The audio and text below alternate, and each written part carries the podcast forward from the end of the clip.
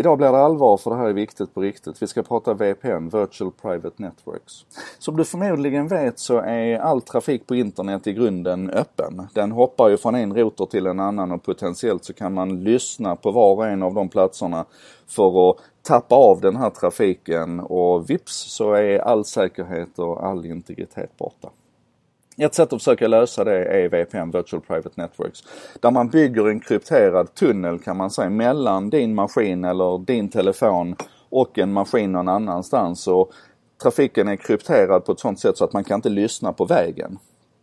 Det här är jättebra naturligtvis för stora företag till exempel som använder det för att se till att ett kontor kan kommunicera med ett annat kontor utan att någon kan lyssna däremellan. Fast att man använder internet som, som bärväg så att säga. Eh, VPN finns också som enkla, superenkla applikationer som var och en av oss bör använda. Till exempel när vi sitter på ett öppet nätverk där vi vet att alla kan, kan lyssna på vår trafik och, och då kan VPN se till att vi, att vi blir säkrare. Under förutsättning naturligtvis att vi litar på VPN-tjänsten, vilket vi kommer att komma till också.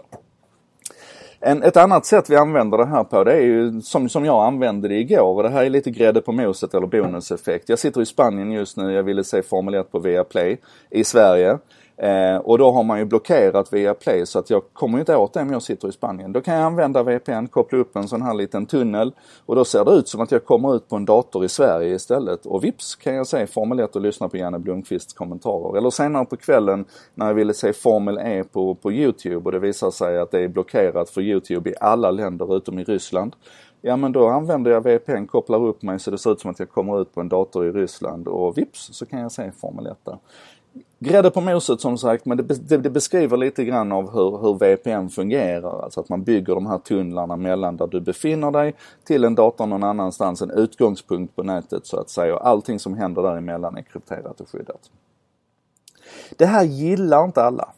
Framförallt så gillar inte totalitära regimer det här. Man skyller på terror och kriminalitet och att man behöver liksom kunna komma åt brottslingar men i själva verket handlar det naturligtvis om att man vill ha kontroll. Man vill komma åt regimkritiker och man vill kunna spionera på sina medborgare och sådär. Och då är inte VPN en bra grej.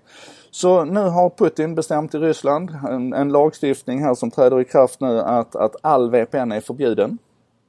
Eh, samma sak hände i fredags i eh, eh, kinesiska App Store, alltså i, i Apples App Store där man kan tanka hem applikationer för iPhone och iPad. Alla VPN-applikationer försvann därifrån för att Kinas regim har satt hårt mot hårt och, och, Apple försöker ju följa nationell lagstiftning och då måste de apparna bort.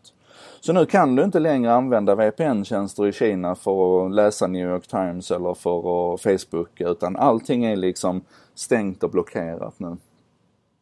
Det kommer alltid att finnas möjligheter för, för den som är avancerad att ta sig förbi sådana här låsningar.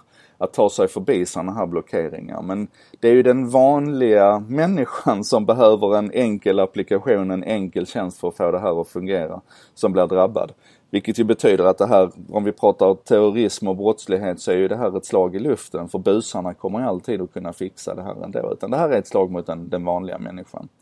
Och det här är viktigt för oss och det här behöver vi fundera på. Inte så mycket kanske för att vi ska kunna titta på, på Viaplay fast att vi sitter i Spanien.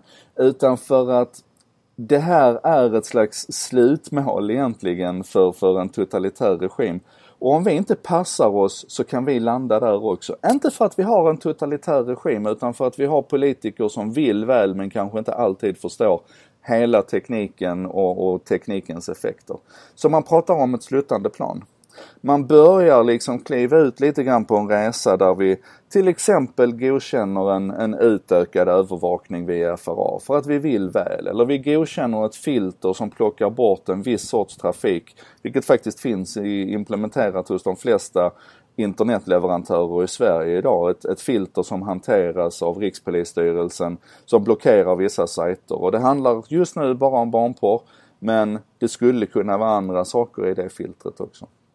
Och det här slutande planet där vi, där vi vill väl Men vi landar i en, en förfärlig slutsituation. Skulle mycket väl kunna leda till att vi faktiskt förbjuder VPN-tjänster i Sverige också. Och därför måste du engagera dig. Du måste se till att läsa på lite grann om det här. Jag ska publicera lite länkar. Så att vi vet vad det är vi inte vill acceptera att våra politiker och våra styrande trumfar igenom. För att vi måste bevara internet fritt.